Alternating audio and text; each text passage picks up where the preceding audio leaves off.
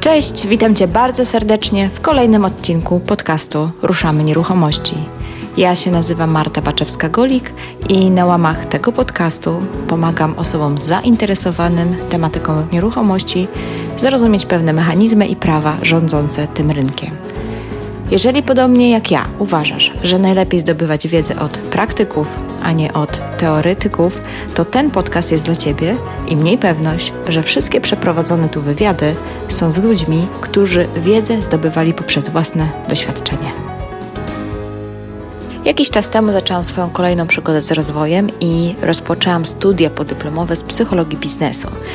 Co prawda, wydaje się, że temat być może jest trochę odległy od nieruchomości, ale jednak nie tak bardzo. Prawda jest taka, że nieruchomości to biznes, a biznes to ludzie, a tam, gdzie są ludzie, jest też i psychologia. Dzisiejszy odcinek mam nadzieję, że pomoże Ci w zbudowaniu idealnego zespołu. Moim gościem jest Iwona Bobrowska-Budny, która w swojej karierze rekrutowała kilka tysięcy osób. Dzisiaj tak naprawdę odcinek jest dla każdego przedsiębiorcy, który zastanawia się nad tym, jak zbudować zespół ludzi, którzy po pierwsze będą chcieli pracować, po drugie będą pełni zaangażowania i po trzecie będą pełni wiary w projekt, jaki tworzysz.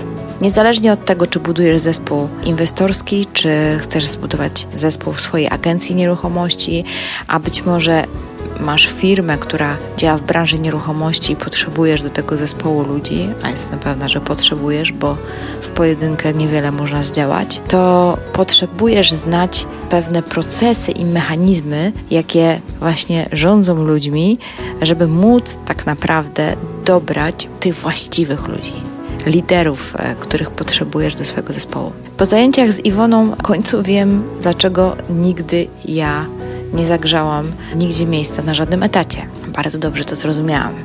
Wiem również, dlaczego zespół, jaki teraz obecnie tworzę w kobiecej stronie inwestowania, działa jak te przysłowiowe zębatki w szwajcarskim zegarku.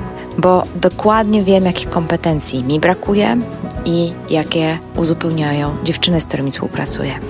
Jeżeli myślisz o zbudowaniu dochodowego biznesu, musisz myśleć kategorią budowania zespołu, bo nie da rady w pojedynkę podbić żadnej branży. Nasza branża nieruchomości dodatkowo dostarcza takie wyzwanie, że w grę wchodzą duże pieniądze, samodzielność, zaufanie, no i wiele pokus. I powstaje pytanie, jak sprawić, żeby zespół ludzi, często luźno ze sobą współpracujących, wcale nie w stosunku o umowę o pracę, utrzymywał ciągłe zaangażowanie. Był wobec siebie lojalny i grał do wspólnej bramki. W rozmowie odwołujemy się do różnych źródeł, w tym również do tak zwanego modelu Kano.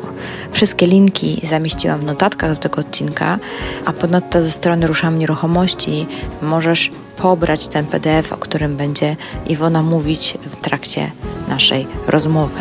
A teraz już zapraszam do naprawdę szalenie ciekawej rozmowy ze specjalistką, ekspertką od rekrutacji i tworzenia świetnych zespołów. Cześć, witaj serdecznie w moim podcaście. Naprawdę mega się cieszę, że udało mi się Ciebie namówić do tego, żebyś tutaj do mnie przyjechała. Już tak długo nie musiałaś namawiać, już bez przesady. Ja, ja też bardzo dziękuję za, e, za zaproszenie. Wszyscy się zastanawiają, co to za tajemniczy gość. Ja zaraz opowiem, bo prawda jest taka, że poznałyśmy się w takich dosyć nie, nietypowych warunkach. Jako uczennica, ja studentka i mój wykładowca. Tak, ale ja bardzo często też jestem w roli y, ucznia i to jest chyba też taki element, biorąc pod uwagę trochę też nasz temat dzisiejszej rozmowy, zanim jeszcze pada moje imię i nazwisko, tak. że im częściej stawiamy się w roli ucznia, tym łatwiej nam jest osiągać e, cele, bo się uczymy cały czas. Tak, i to było moje pierwsze zaskoczenie, bo napisałam do Iwony e, taką krótką wiadomość, pewnie jasne, nie ma problemu. Ja mówię, kurczę, przecież to wykładowca, to powinien być inny schemat. A tutaj proszę bardzo, czyli łamiemy schemat od samego początku i dzisiejszy odcinek podcastu będzie też trochę złamaniem schematu, dlatego że z reguły mówię o nieruchomościach, a dzisiaj będziemy mówić o budowaniu zespołu właśnie w branży nieruchomości, co uważam, że jest bardzo, bardzo ważnym trudnym elementem dla wielu agencji, ale również i dla inwestorów, którzy budują swoje zespoły w oparciu o taką luźną współpracę przy różnego rodzaju projektach inwestycyjnych. I o to chciałam właśnie Ciebie e, podpytać, bo po zajęciach wiem, że jesteś specjalistką, ale nasi słuchacze jeszcze nie wiedzą, że tak jest. Dlatego poproszę Ciebie, żebyś się przedstawiła i w kilku zdaniach opowiedziała nam, czym się zajmujesz i dlaczego będę Cię pytać o tą rekrutację mhm. i budowanie zespołu. Iwona Bobrowska-Budny. Najczęściej się przedstawiam jako talent management mentor, bo to jest takie ładne zdanie, takie ładne określenie. Tak naprawdę zajmuję się od bardzo wielu lat pracą z ludźmi.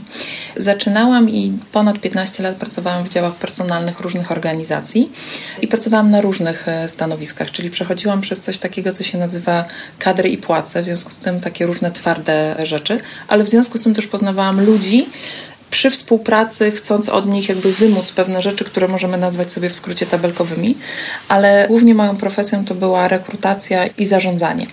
Zatrudniłam razem dla menadżerów, dla organizacji blisko 4000 osób. Największa tak zwana masówka to była w jednej z dużych korporacji, która wtedy, kiedy ja pracowałam, pomnożyła się z 2000 do, do 4000, w związku z tym w jednym miejscu pracy. Dlatego bardzo lubię rekrutację i jeżeli już tak trochę nawiązujemy też do tematu, czyli zespół, to od rekrutacji wszystko się zaczyna. Od 5-6 y, lat współpracuję z Akademią Leona Koźmińskiego i między innymi prowadzę zajęcia z zarządzania, ale tak naprawdę najbardziej sobie cenię zajęcia z zarządzania sobą, bo nie jesteśmy w stanie zarządzać nikim innym, jeżeli nie potrafimy zarządzić e, sobą. To dotyczy tak naprawdę każdej naszej przestrzeni życiowej, bo to nie tylko zespół, ale również rodzina. Tak? Jeżeli ja nie potrafię zarządzić swoim fochem, to nie oczekujmy, że dzieci nie będą takiego focha miały. Jak e, u pracodawcy widzę pewne zachowania, to pracownik w pewien sposób nieświadomie pewne rzeczy też wie, na co może sobie pozwolić albo nie, albo wie, znając swojego szefa, wytraca ileś energii. Czyli wszystko, co jest związane z zarządzaniem e, sobą, ludźmi, zespołami, tworzeniem zespołów. Ja w większości swoich e, miejsc pracy nie miałam żadnego przełożenia na ludzi, z którymi współpracowałam, czyli ja im nic nie mogłam kazać. Dział personalny ma najczęściej funkcję doradczą i nawet jeżeli moja szefowa była w randze członka e, zarządu, to nie da się ukryć, że dział personalny raczej jest patrzony jako koszt niż jako element, który przynosi zyski. Dopiero edukacja tak naprawdę menadżerów, dopiero edukacja e, organizacji potrafimy wówczas udowodnić, że my jesteśmy inwestycją, a nie kosztem.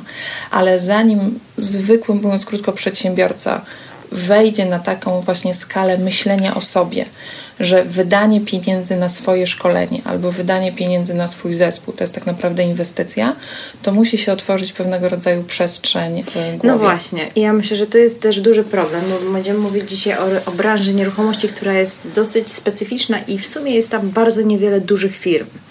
Co za tym idzie, bardzo niewiele dużych budżetów na tego typu historie. Mhm. Więc e, świadomość tych właścicieli, tych e, agencji nieruchomości dotycząca właśnie samo takiego rozwoju, czy budowania właśnie, czy rozwijania agentów, zazwyczaj ogranicza się do szkoleń bardzo mocno branżowych, mhm. co też jest potrzebne. Jasne. I tak? w ogóle to jest jakby... w ogóle bez dwóch zdań, mhm. tak? Co też jest potrzebne. Natomiast jest to no, dosyć wąska jednak, że tak powiem, działka, tak? Mhm. I i teraz, jeżeli mówimy o budowaniu zespołu, czyli zespołu, który gra do jednej bramki i który po prostu będzie się fajnie wspierał, rozwijał, motywował wzajemnie, nie wiem, inspirował i tak dalej, i tak dalej, no to pewnie same te branżowe szkolenia to trochę za mało. Co dużo, dużo za mało. Ja myślę, że to jest w ogóle taki temat, o którym ja bym mogła e, mówić e, milionami godzin. Natomiast myśląc sobie, żeby to dla osób, które słuchają, było jak najbardziej treściwe, to szukam w głowie takiego narzędzia, do którego mogłabym się odnieść, żeby mhm. jakby pokazać jakby przestrzeń, co to znaczy zarządzanie zespołem. Jest na rynku bardzo dużo tak naprawdę to zaraz zacznę od pieniędzy. Jest bardzo dużo tak naprawdę wiedzy, którą można zyskać i to niezbyt dużo kosztuje. No wiesz, ale to jest, prawda jest taka, że im więcej tego, tym trudniej wybrać. Dlatego skup się na jednym. I zasada no jest taka, kup jedną książkę i zacznij ją stosować, niż przeczytaj dziesięć. I bo wtedy faktycznie robi się tak zwany natłok informacji, przerost informacji. W związku z tym najprostsza zasada, kup pierwszą lepszą książkę o zarządzaniu, która Ci przychodzi do głowy i zacznij ją e, stosować. Zacznij ją stosować na sobie, na innych. I to jest jedno.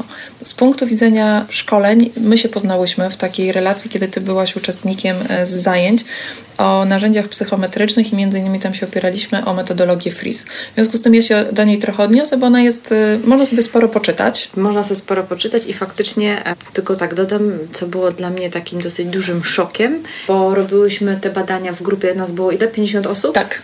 I tak naprawdę okazało się, że z 50 osób zrobiły się 4 osoby. Mhm, tak. Co mam na myśli? Że faktycznie te badania i każdy się z tym identyfikował. Tak. W jaki sposób y, układają, nie chcę powiedzieć segregują, ale trochę tak.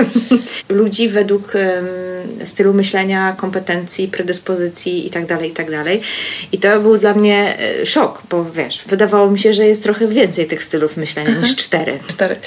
No dobrze, to teraz w takim razie to, to, to robimy układankę po kolei. Rozmawiamy dzisiaj o zarządzaniu zespołem, ale nie możemy mówić o zarządzaniu czy o tworzeniu jak nie rozumiemy jednostki. Y, zasada jest taka, y, zacznij od siebie, czyli najpierw zrozum siebie. I między innymi metodologia FRIS jest taką metodologią, która dla mnie jest bardzo dobrze działającą dla osób, które wcześniej nie miały do czynienia z innymi narzędziami psychometrycznymi, albo nawet jeżeli miały, to to jest taka metodologia, która porządkuje. Czyli co ona mówi? Mówi coś takiego. Na poziomie psychologii poznawczej każdy z nas ma mózg i ten mózg jest fenomenalny, fantastyczny i genialny. Natomiast w stresie ma cztery ścieżki, w jaki sposób obrabia informacje. Czyli mówiąc krótko, kiedy jest zestresowany, spanikowany i nie wie co robić, to mówi a i każdy z nich, każdy z naszych mózgów ma jedną z takich czterech ścieżek. Czyli niektórzy z nas w tym momencie biegną w kierunku relacji. Zawsze jest ktoś, kto mi pomoże. Ktoś inny bardzo logicznie patrzy na fakty, mówi dobra, dobra, jadę. Ktoś jeszcze inny mówiąc krótko, a zawsze się coś wymyśli, tak? I tutaj siedzę sobie z reprezentantką, reprezentantką tego stylu. A jeszcze inni mówią, chwila, moment, poczekajcie, ja muszę sobie to przemyśleć. Ja akurat lecę do ludzi, tak? I opowiadałam między innymi taką historię też na, na zajęciach, którą uwielbiam i po czasie mogę ją dopiero y, tak naprawdę obejrzeć i zdiagnozować, że kiedy ukradziono mi malucha, miałam wtedy lat 25, malucha miałam pół roku, to był drogi model, bo to był ten z dwoma lusterkami, to ja byłam w takim stresie, że mój mózg w ogóle nie funkcjonował, w związku z tym jak w końcu dojechałam do pracy autobusem, to dopiero jak powiedziałam o tym 50 osobom, to byłam w stanie pracować, bo to jest mój styl. Mówiąc krótko, musiałam się rozładować pracą i energią innych e, ludzi. I w momencie, kiedy zaczynamy to rozumieć, to nagle możemy zacząć zarządzać sobą. Czyli ja nagle, gdybym teraz to wiedziała, to nie zawracałabym głowy 50 osobom, tylko mogłabym znaleźć inną metodę na siebie, żeby nie wpaść w swój nawyk, tylko inaczej rozładować swoje emocje. Jednocześnie wiem, kogo potrzebuję w zespole, albo kto będzie mi w pewnym typie zadań najbardziej pomocny. To od razu daje mi też informację, jacy klienci do mnie najczęściej trafiają, jaki to jest typ, czyli czego ja najbardziej powinienem się nauczyć, żeby mówić ich językiem i ich najlepiej obsłużyć. A tu wracamy wtedy, to czego ja powinienem uczyć swoich współpracowników, swój zespół, żeby jak najlepiej się jakby dopasowywał do tego naszego klienta. I metodologia Freeze, oprócz tego, że bada styl myślenia, czyli to, w jaki sposób zachowuje się nasz mózg, czyli my, w sytuacjach nowych poznawczo, w stresie, a, dzieje się, ale również we flow, czyli wtedy, mówiąc krótko, kiedy czas nam znika i po prostu jesteśmy w raju, to bada również tak zwany styl działania. I tutaj już nie są cztery, ale może być nas bardzo Więcej. wiele różnych typów. Poza tym, jeżeli dostanie się swój jeden naprawdę moim zdaniem najlepszy e, raport, który jest możliwy z tego typu narzędzia na rynku, to na stronie dziewiątej są tak zwane suwaczki, czyli wielkość nasilenia. I tutaj już mówimy o ogromnej ilości, mnogości e, ludzi, bo możemy być tak zwanym hiperpartnerem, czyli osobą, która po prostu tylko relacje, a są po prostu osoby, które mają to na stonowanym e, poziomie. I jeżeli zaczynamy już rozumieć, jak to działa, to możemy też zobaczyć, że jest pewnego rodzaju schemat idealnego zespołu, albo właściwie każdego działania. Zaczyna się od idei, tak? Czyli ja, pomimo, że wiem, że są podcasty, nigdy czegoś takiego nie, nie robiłam, bo ja sobie tego bym nie wymyśliła, no bo o, tak? I nagle przychodzisz z taką ideą. Potem jest struktura. I teraz nie wiem, czy ja tutaj mogę y, zdradzić, że, gdyby, że gdybyśmy miały obie wysoko strukturę, to byśmy się umówiły trzy dni wcześniej, zrobiły sobie tabelkę, tak. rozpisały to w minutach. Jak, ja bym Cię poprosiła, żebyś przesłała, jakie mi zadasz pytania, tak? Ale ponieważ obie tego nie mamy, to lecimy na żywca, tak? Na tak. zasadzie tak. Mniej więcej przecież wiemy o co chodzi, przecież to jest fajne, w ogóle człowiek naprzeciwko człowieka jedziemy.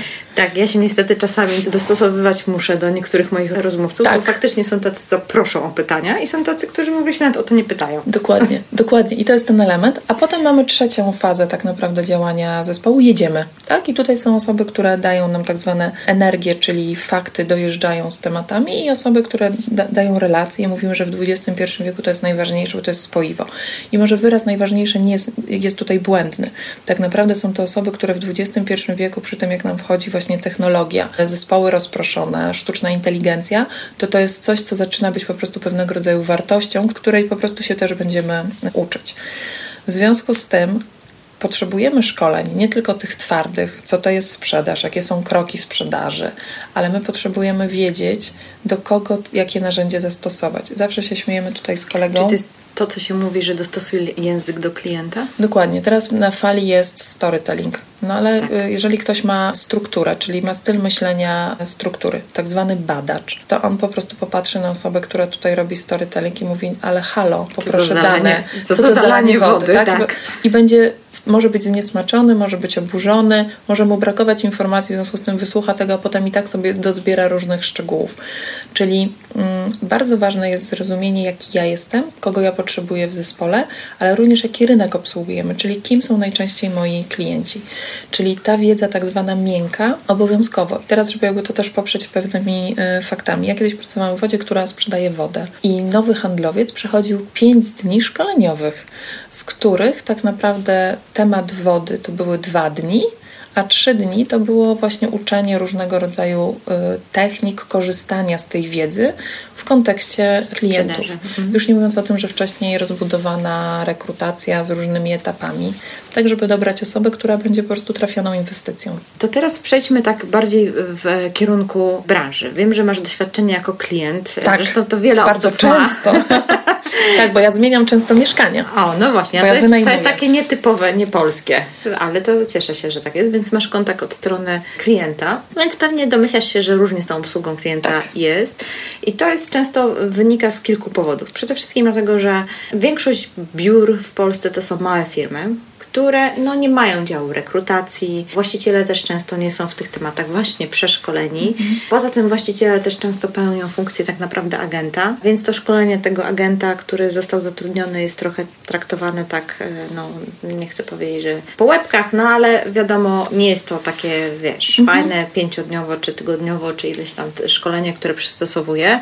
Zazwyczaj to się omawia w 2-3 godziny, no i się na rynek, nie? Bo to jest jeszcze coś takiego, że trzeba mieć umiejętności uczenia osób dorosłych dorosłych, bo to nie chodzi o przekazanie wiedzy. W związku z tym zgadzam się, to wtedy trwa to dwie godziny. Tak, no bo to wystarczy, nie? Tak. Wszystkie informacje takie najważniejsze i tak dalej, reszta w praniu, nie? Jedziesz. Tak, jedziesz na głęboką wodę, tak. nie?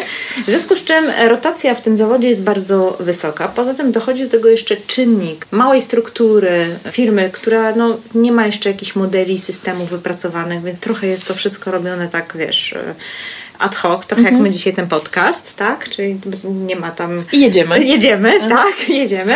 Do tego nakłada się jeszcze stosunek pracy, którego często też nie ma, bo bardzo często te osoby są za, za, na własnych działalnościach gospodarczych mhm. i niektóre firmy płacą podstawę, ale są naprawdę takie minimalne, wręcz głodowe, a główne to wynagrodzenie jest prowizyjne, więc tam dochodzą też emocje związane z tym, że ten agent no już po miesiącu pracy, jak jeszcze nie zrobił transakcji, to on już tam głodny jest bardzo. Mhm. No i te, tych czynników na naprawdę tutaj się tak, wiesz, gromadzi. I teraz mhm. pytanie jest, jak taki właściciel takiej małej agencji ma podejść do tego tematu? Co on powinien, tak naprawdę, jakich osób powinien szukać? Mhm i być może właśnie z jakich narzędzi korzystać, które mogłyby mu pomóc, żeby faktycznie do tego swojego zespołu przyjąć ludzi, którzy przynajmniej będą rokować na to, że w ogóle wytrzymają tą presję czasu, tej odroczonej też gratyfikacji tak. i jeszcze w dodatku później będą lojalni i tak dalej, i tak dalej. się nie zmienią za trzy miesiące, nie? Mhm. rzucą pracę. Mhm, mhm. Bo to jest też tak, że ja też słyszałam e, opinię kiedyś od jakiegoś właściciela, że on nie przywiązuje wagi do szkolenia, bo to jest takie trochę kółko zamknięte, dlatego że on wie, że ci, że agenci tak mało ich wytrzymuje dłużej niż te trzy miesiące, że mu się nie opłaca. On by poszedł w przysłowie, w cudzysłowie mhm. z torbami, tak. gdyby miał każdego takiego mhm. agenta szkolić, mhm. nie? Mhm. Jasne i wydaje mi się, że tutaj y, jakby największą y, wagą jest to, że osoba, która prowadzi tego typu działalność, sama musi sobie odpowiedzieć na pytanie, czego potrzebuje, co chce. Czyli kilka takich rzeczy, które ja bym mogła podpowiedzieć z mojego doświadczenia, nie znając waszej branży, ale w pewien sposób narzędzia, które można sobie skopiować. Po pierwsze, nawet sobie idąc tym modelem Freeze, na ile osoba, którą ja zatrudnię, będzie musiała być kreatywna, na ile ona musi wymyślać, na ile musi szukać, na ile musi być taką osobą, która łamie schematy, tak? Ile jest procent w takim stanowisku tego typu zadań? Na ile to jest osoba, która powinna być skrupulatna, poukładana, metodyczna, planująca? I tutaj sobie ileś rzeczy wypisać. I na ile to jest osoba, która mówiąc krótko powinna mieć napięcie, żeby musieć skończyć, tak? Czyli mieć taki po prostu czynnik wewnętrzny, który ją napędza, że jak nie skończy, to po prostu nie uśnie. I na ile powinna lubić ludzi. Wydaje mi się, że to, co mnie na przykład y, najczęściej skłania do podejmowania współpracy z daną agencją, z danym agentem, to jest odbicie mojej osoby. Ja jestem relacyjna, czyli ja potrzebuję osoby, która zbuduje ze mną e, relację, a właściwie wchodzi w tę relację jak w masło. Mhm. W związku z tym to jest teraz też takie pytanie, jakich najczęściej my mamy klientów? Bo jeżeli przedstawiciel mojego stylu myślenia we Fris relacyjny jest nas więcej, no to może warto by było się zastanowić, na ile właśnie też to jest ważne. A może tak naprawdę osoby relacyjne inaczej sobie dają radę, a dużo częściej przychodzą osoby, które właśnie potrzebują merytorycznego wsparcia, co konkretnie konkretnie, jak to wygląda, ile to ma metrów, jakie to są różne tam rodzaje tych e, ścian. Tak? No na pewno poczucie bezpieczeństwa jest tu ważne, nie? Bo to mhm. jest jednak majątek rodzinny, duże pieniądze w grę wchodzą. To tak zależy, dalej, tak dalej, to zależy. Wiesz, jakby no właśnie, właśnie przez to, że ja nie, mam, ja nie mam struktur, w związku z tym jak ja wchodzę do mieszkania, które oglądam, to mówię do agenta, panie Mateuszu, pan pamięta, no musi pan mi teraz wszystko przypomnieć. Bo ja nie pamiętam, ja nie wiem ile to mieszkanie kosztuje, jaką ono ma wielkość, ten, ja tego nie pamiętam, bo po prostu zobaczyłam, luknęłam i, i przychodzę. Czyli trochę to jest takie pytanie, czyli zanim kogoś zrekrutujemy, to co mam na myśli, a osoba prowadząca taki taką organizację, taki biznes, musi sobie zrobić trochę taki stop klatkę. Kim ja jestem na rynku? Kto do mnie przychodzi? Jaki jest typ tutaj zadań? I sobie to rozpisać. To się tak naprawdę nazywa opisem stanowiska i po to, żeby sobie wyważyć. I teraz co to oznacza? Jeżeli według mnie jako osoby prowadzącej taką działalność, bardzo dużo zależy od relacji, no to ja nie mogę zatrudnić kogoś, kto nie umie zbudować relacji. To od razu widać, tak? To od razu tak. czuć. Jeżeli ktoś ma wątpliwości, to można sobie obejrzeć film Dr. House i tam główny bohater jest fantastycznym specjalistą i jak człowiek chce przeżyć, to do niego pójdzie, tak?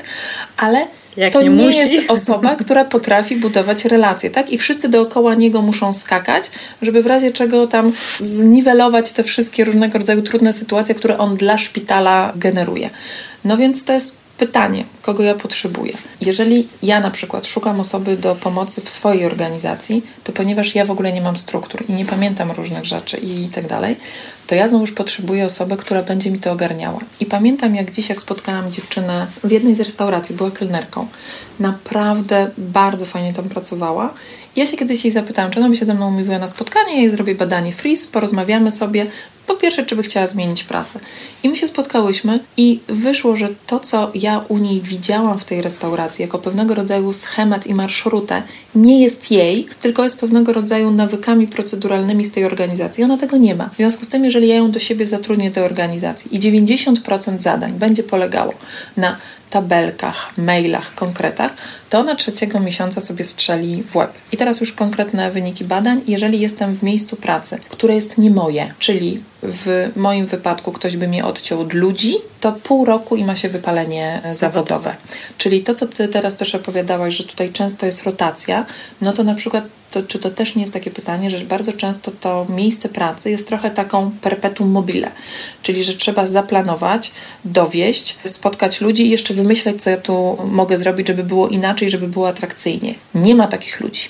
Czyli ten ktoś w którymś momencie swojej pracy musi naddawać swojej energii, żeby zmusić się do pewnego typu zadania. No i teraz pytanie, czy w mojej organizacji on się musi zmusić do 60%, czy do 20%? Jak do 20% to pojedzie, jak do 80% to padnie. Odpadnie.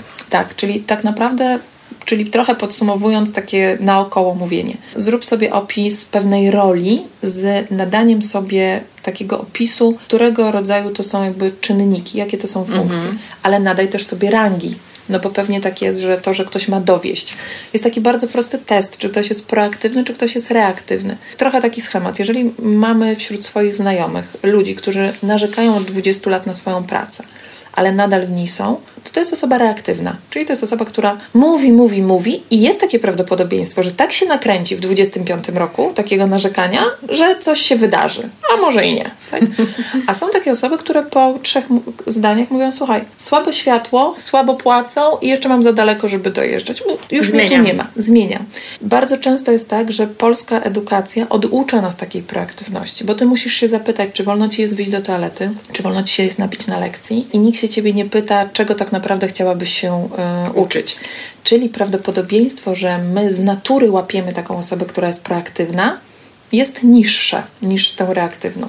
Ale niektórzy z nas mają to stłumione, po prostu trzeba w nich to rozbudzić. W związku z tym też na rekrutacji trzeba sprawdzić, na ile ktoś ma takie naturalne, a na ile da się to rozbudzić.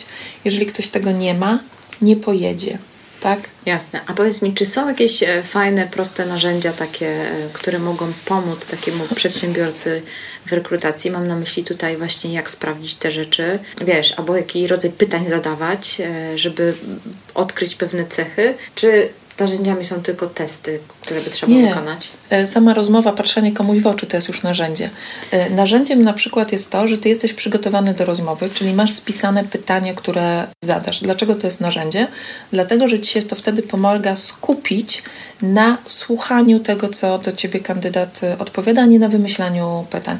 Ja prowadzę między innymi na Akademii Lona Koźmińskiego szkolenia z rekrutacji i pokazuję ludziom, jak nam się tylko wydaje, że zadanie pytania to jest takie proste.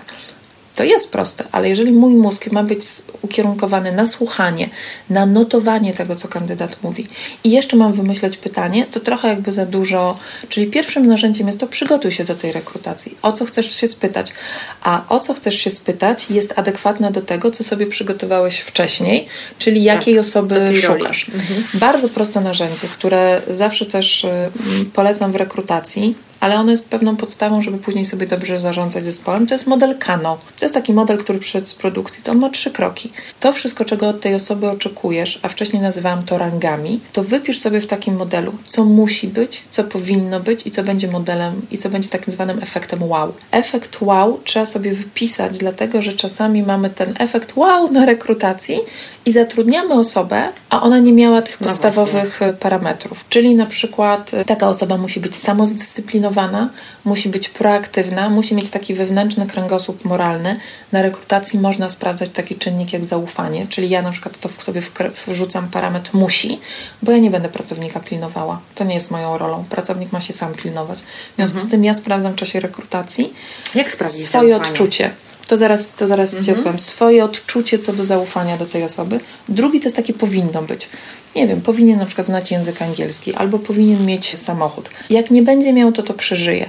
A efekt wow to jest taki element, że ma talent czaru. Jest takie piękne narzędzie Galup, który bada talenty i tam jest na przykład talent czaru. To są takie osoby, które wchodzą robią efekt wow i po prostu to jest taki efekt, który działa na każdego, bo ktoś, kto ma talent wow, momentami milczy, a momentami dużo mówi. W związku z tym on w naturalny sposób wyłapuje.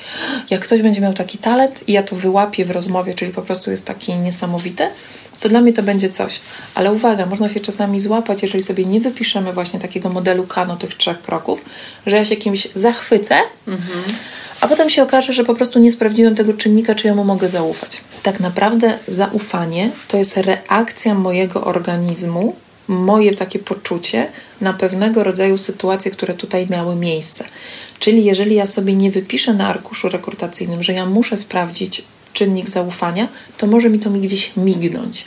To jest taki moment, kiedy ja w czasie rekrutacji robię coś takiego, czy jak ja się z tą osobą czuję, co ja czuję w ciele, czy ja mhm. czuję spięcie, czy ja czuję rozluźnienie. To jest taki trochę dla mnie element. To jest jedno. Dwa. Czy pytania, które zadawałam tej osobie, były spójne czy odpowiedzi na moje pytania były spójne, bo czasami jest tak, że my się pytamy kandydata o coś i on mówi zawsze, wszędzie i tak dalej, po prostu cudownie, a potem w jakimś jednym pytaniu jest, no ale widzicie, to są czasami takie problemy. I mam taki element, że zadałam dwa pytania mniej więcej o to samo i to są różne odpowiedzi. Trzeba to zweryfikować, trzeba to pogłębić, ale jeżeli ja już na poziomie takiej rozmowy wyłapuję, że coś mi tu nie gra. Inny element, jeżeli ktoś opowiada o swoich dotychczasowych pracach, o swoim dotychczasowym pracodawcy w taki sposób, że budzi to pewnego rodzaju właśnie mój taki wewnętrzny niesmak. I teraz uwaga, każdego z nas zniesmaczy coś innego, tylko że to ja potem pracuję z tą osobą i tak. ja do tej osoby będę miał zaufanie. Te wszystkie pytania, które dotyczą przyszłości, które zadajemy osobom, są bardzo fajne, bo mogą nam powiedzieć, jak ten ktoś może się zachować, ale są pytania hipotetyczne. Te pytania są obarczone bardzo dużym ryzykiem, czyli Dzisiaj kandydat na chwilę obecną naszej rozmowy mówi, że tak zrobi, ale kiedy ta sytuacja się wydarzy, naprawdę może być zupełnie Różnie. co innego i to nie jest to, że on kłamie.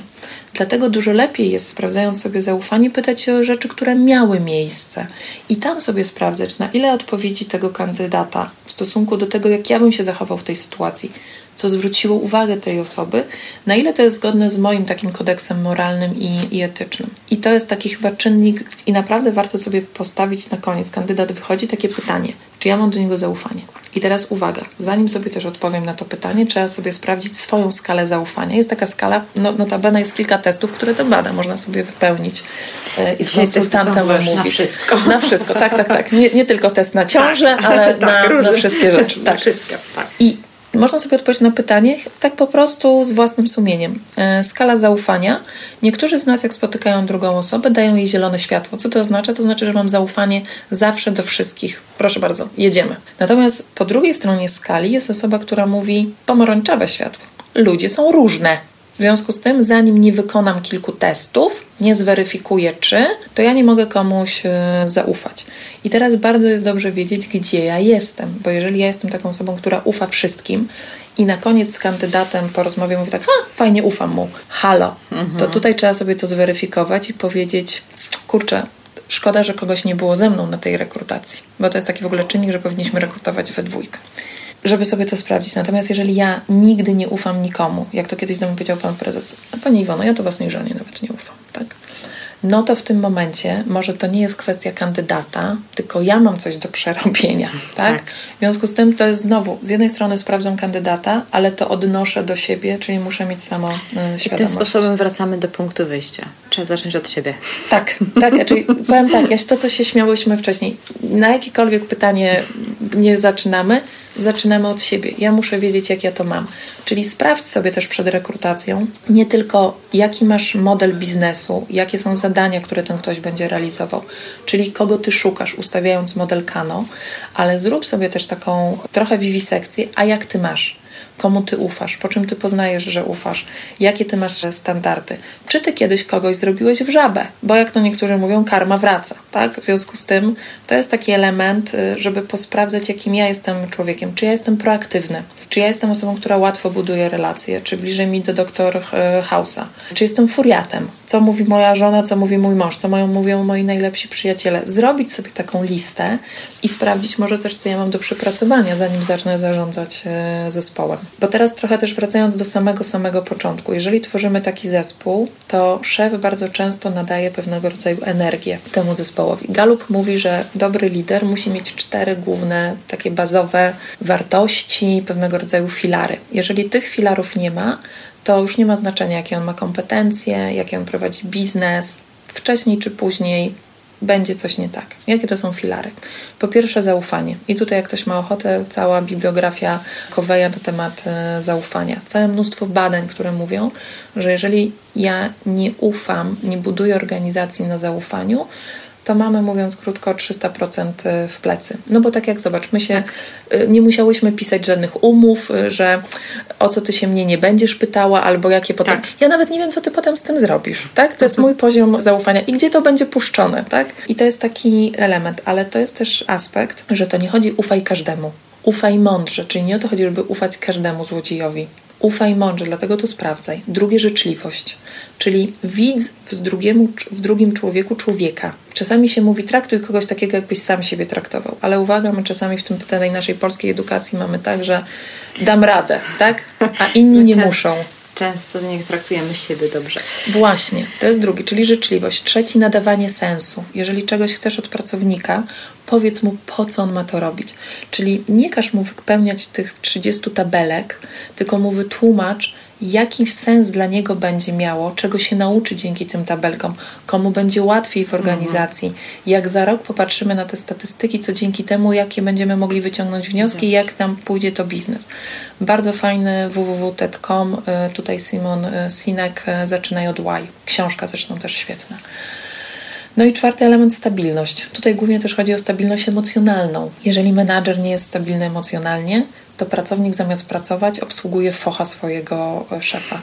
Utrata energii i pieniędzy dla wszystkich. I jak mamy te składowe, że ja rozumiem siebie, mm, rozumiem te cztery jakby filary, to ja nawet mogę ludziom powiedzieć, słuchajcie, ja jestem w wielu aspektach niekompetentny, ale dlatego zatrudniam ciebie.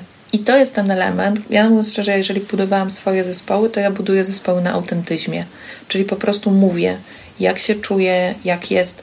Dzisiaj mam taki dzień, że do mnie nie podchodźcie, no chyba, że musicie. Czego potrzebujemy, co jest dla mnie, jest taki piękny też y, statement, który powinien zrobić menadżer, czyli co jest dla mnie wartością w tej organizacji. Dla mnie wartością w tej organizacji jest to, to i to. W związku z tym, jeżeli ktoś nie wpisuje się w te ramy, to chyba nam nie będzie po drodze. Albo jeżeli ktoś złamie, takie są konsekwencje. I to jest kilka takich punktów, które są tak naprawdę na samym początku budowania zespołu. Tak jest. To są, wiesz, nawet powiem Ci, że zrobiłam taki mm, kurs bardziej o przedsiębiorczości z moją wspólniczką niż o nieruchomościach. To jest jedyny kurs, który mamy.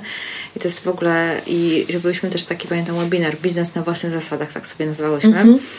I to jest w ogóle klucz, bo tak naprawdę to powinno być też trochę w naszym modelu biznesu. Tak. Jakie my zasady, a zatem idą wartości i jak się kierujemy, to się później przekłada na zespół, przekłada się na wszystko tak, tak. naprawdę. Także to jest bardzo fajne. Na koniec mam jeszcze do Ciebie jedno pytanie. Jakbyś miała polecić, czy właśnie jakąś y, książkę lub być może jakieś strony, już tu y, padły, padł Sinkę, jakaś polski tytuł tej książki? Zaczynaj od Why. Zaczynaj od Zaczynaj od dlaczego chyba jest w ogóle. Tak. Takie ładne, mhm. zielone y, Dobra. To, to wiem, że już ten, ale stricte takie rekrutacyjne, coś fajnego, ale gdzieś coś poczytać, do czego byśmy mogli odesłać? Powiem szczerze, że właśnie z tymi rekrutacyjnymi jest linki? bardzo słabo. Z tymi rekrutacyjnymi jest bardzo słabo, ze względu względu na to, że ilekroć tych pozycji, te pozycje przeglądam, ja mam tam bardzo dużo wątpliwości do pytań, które tam są e, mhm. wkładane mhm. do tych książek. W związku z tym, jeżeli się możemy tak umówić, to ja sprawdzę kilka takich jeszcze rzeczy, przekartkuję, bo ja mam w domu kilka takich książek, które są w miarę okej, okay, Mhm. I, I można sobie z nich e, Dobra. korzystać. To I wtedy fajnie by było, żeby coś e, po, mhm. zamieścić, bo zawsze jest tak, że podcast publikuję tam pewnie za jakiś czas, zanim potem chwilę mhm, potrzebuję, żeby tak. go obrobić i tak dalej i zawsze jest jakaś, jakaś notatka tego mhm. podcastu, więc jakieś linki czy coś można wrzucić. Na pewno można odesłać na stronę Frisa, tam jest bardzo fajny blog. Można odesłać na stronę kirow.pl, gdzie jest bardzo dobry mhm. blog i bardzo dużo różnych materiałów o, o, to o wszystko zamieścimy wtedy, I, Fajnie. Y, I wtedy sprawdzę też kilka y, Dobra, książek. to poproszę Cię o podesłanie tych I. I wtedy mogę podesłać o, kilka, bo TEDów kilka jest bardzo fajnych, takich właśnie o o, zarządzaniu. A jeżeli ktoś by chciał się z Tobą konkretnie skontaktować w sprawie rekrutacji? E, Współpracujesz? tak, tak, to można. można. Jak to wygląda? Ja prowadzę, e, bardzo często prowadzę rekrutację już na takim etapie, że raczej organizacje już sobie wybrały kandydata i po prostu potrzebują, żeby właśnie im sprawdzić, na ile pasuje im do kultury organizacyjnej, na ile ten pracownik będzie chciał z chęcią w tej organizacji pracować, czyli nie zwolni się nam szybko, a mhm. organizacja będzie z niego zadowolona, bo pasują do siebie. Czyli ja już sprawdzam takie dopasowania. Ale myślę sobie, że w ogóle takim fajnym kierunkiem też jest to, żeby pomyśleć o tym, żeby się właśnie poszkolić z a właśnie, rekrutacji. A jak mogą zrobić frisa? No, ja robiłam to w ramach Akademii e, Koźmińskiego, a normalnie jak to można zrobić? E, zapraszamy na Akademię Lona Koźmińskiego na szkolenie otwarte. Jest tak naprawdę, to się nazywa e, Akademia Negocjacji i drugi moduł to jest neurowspółpraca. I to jest fenomenalna odpowiedź na w ogóle cały ten podcast, bo tam zaczynamy od zrozumienia siebie, ale przechodzimy przez budowanie zespołów, a budowanie zespołów to jest dobieranie ludzi i zarządzanie nimi jakby w cyklu pracy organizacji. Dwa dni i wiesz wszystko coś pięknego. Sama chyba sobie zrobię ten moduł dodatkowo, a powiem Wam szczerze, że naprawdę Akademia Leona Koźmińskiego jest super. Aż powiem, że ostatnio nie mogłam być na jednym zjeździe i tak żałuję, to się rzadko zdarza, że, że faktycznie jesteś na jakiejś uczelni, gdzie naprawdę absolutnie wszystkie zajęcia są fascynujące.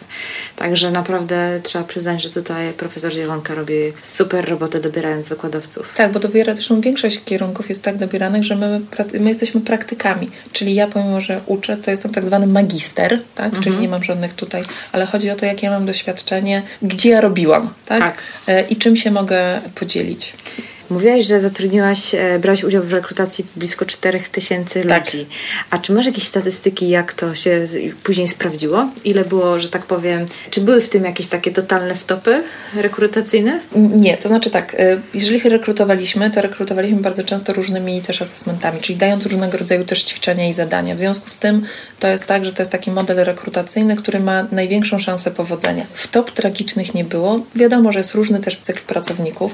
Mam jedną taką historię, którą uwielbiam w sensie na plus. Pamiętam, że wszyscy byli z bardzo dużym znakiem zapytania, czy do Empiku można w tamtych czasach, kiedy tam zatrudniałam, czyli to był początek tego wieku, panią, która była mocno po 50, a cały zespół był mocno po 20, szef tam miał 25 lat. I ja po prostu wszystkim pokazywałam, jak ona pasuje i że jakby w ogóle nikt nie patrzył na jej kalendarz, bo ona po prostu maksymalnie swoją energią wymiata. I pamiętam, jaki to był niesamowity właśnie też wow dla całego zespołu, jak oni się świetnie dogadują właśnie z babką, która jest po 50 i jaką ma charyzmę i jak świetnie robi swoją robotę. Natomiast Super. z punktu widzenia rekrutacji, oczywiście, że zawsze się można pomylić, bo zawsze może być ten pewien element. I prowadziłam kiedyś rekrutację na stanowisko dyrektora operacyjnego w firmie izraelskiej. W związku z tym nie tylko moja rekrutacja, nie tylko rekrutacja prowadzona przez trzy inne główne osoby w organizacji, ale testy, które jechały do Izraela łącznie z grafologicznym. Wow Mieliśmy też rekomendację i to taką naprawdę z pierwszej ręki, bo jedna z osób w organizacji, ktoś z rodziny pracował z tym panem kilka lat wcześniej. I naprawdę, co było najważniejsze, nie to, że ten kandydat był świetny. Ten kandydat we wszystkich tych naszych testach i rozmowach był spójny. I on w tej swojej spójności pasował nam do stanowiska. I co się okazało? Nie sprawdził się bo rok wcześniej, zanim przyszedł do nas do organizacji, pracował w takim miejscu, gdzie złamano mu kręgosłup. I on zamknął się w pokoju, bał się ludzi. Czyli on na rekrutacji pokazywał nam siebie sprzed roku i miał na to bardzo dużo wskaźników, było bardzo dużo rzeczy. Testy jeszcze tego nie pokazywały, a on był tak strasznie złamany przez szefa, z którym pracował w ostatnim roku. Także wszystko się może wydarzyć, jesteśmy tylko y, ludźmi. ludźmi. Ale im więcej włożymy, jest taka zasada informatyczna shit in, shit out. Czyli jak robisz coś z biegu, jak robisz coś bezmyślnie, czyli nie myśląc, jakie to przyniesie ci konsekwencje, nie nadajesz temu sensu, nie masz stabilności w swoich ruchach, no to w związku z tym przygotować się do wszystkiego. Jasne. Jasne. Słuchaj, wielkie dzięki za poświęcony czas. Myślę, że dużo wartościowych rzeczy. Czekam na linki, wszystkie Dobrze. zamieszczę w opisie do, do odcinka. Dobrze, bardzo dzięki. dziękuję. Dzięki. Jestem ciekawa, czy takie około biznesowe tematy również Was interesują? Mam teraz dostęp do naprawdę szalenie ciekawych osób z zakresu psychologii biznesu i wiem, że podcast jest o nieruchomościach, ale dla mnie nieruchomości to biznes i ta wiedza jest naprawdę bezcenna. Najchętniej od czasu do czasu przemyciłabym temat na łamach Ruszamy Nieruchomości, taki bardziej biznesowy. Dajcie znać, czy ta tematyka jest dla Was także ciekawa. Nie lubię na siłę nikogo uszczęśliwiać, natomiast jeżeli również uważacie, że to są wartościowe tematy, które wzbogacą Wasz biznes nieruchomościowy, to dajcie znać. To na pewno jeszcze zaproszę jakichś ciekawych gości. Ja osobiście jestem zafascynowana mechanizmami, jakie rządzą ludźmi w biznesie, ale oczywiście to nie znaczy, że Ty także musisz się tym fascynować. Dlatego napisz mi proszę, czy na przykład, gdyby się pojawiał raz w miesiącu taki bardziej biznesowy odcinek, czy to będzie dla Ciebie ok? Dajcie mi znać.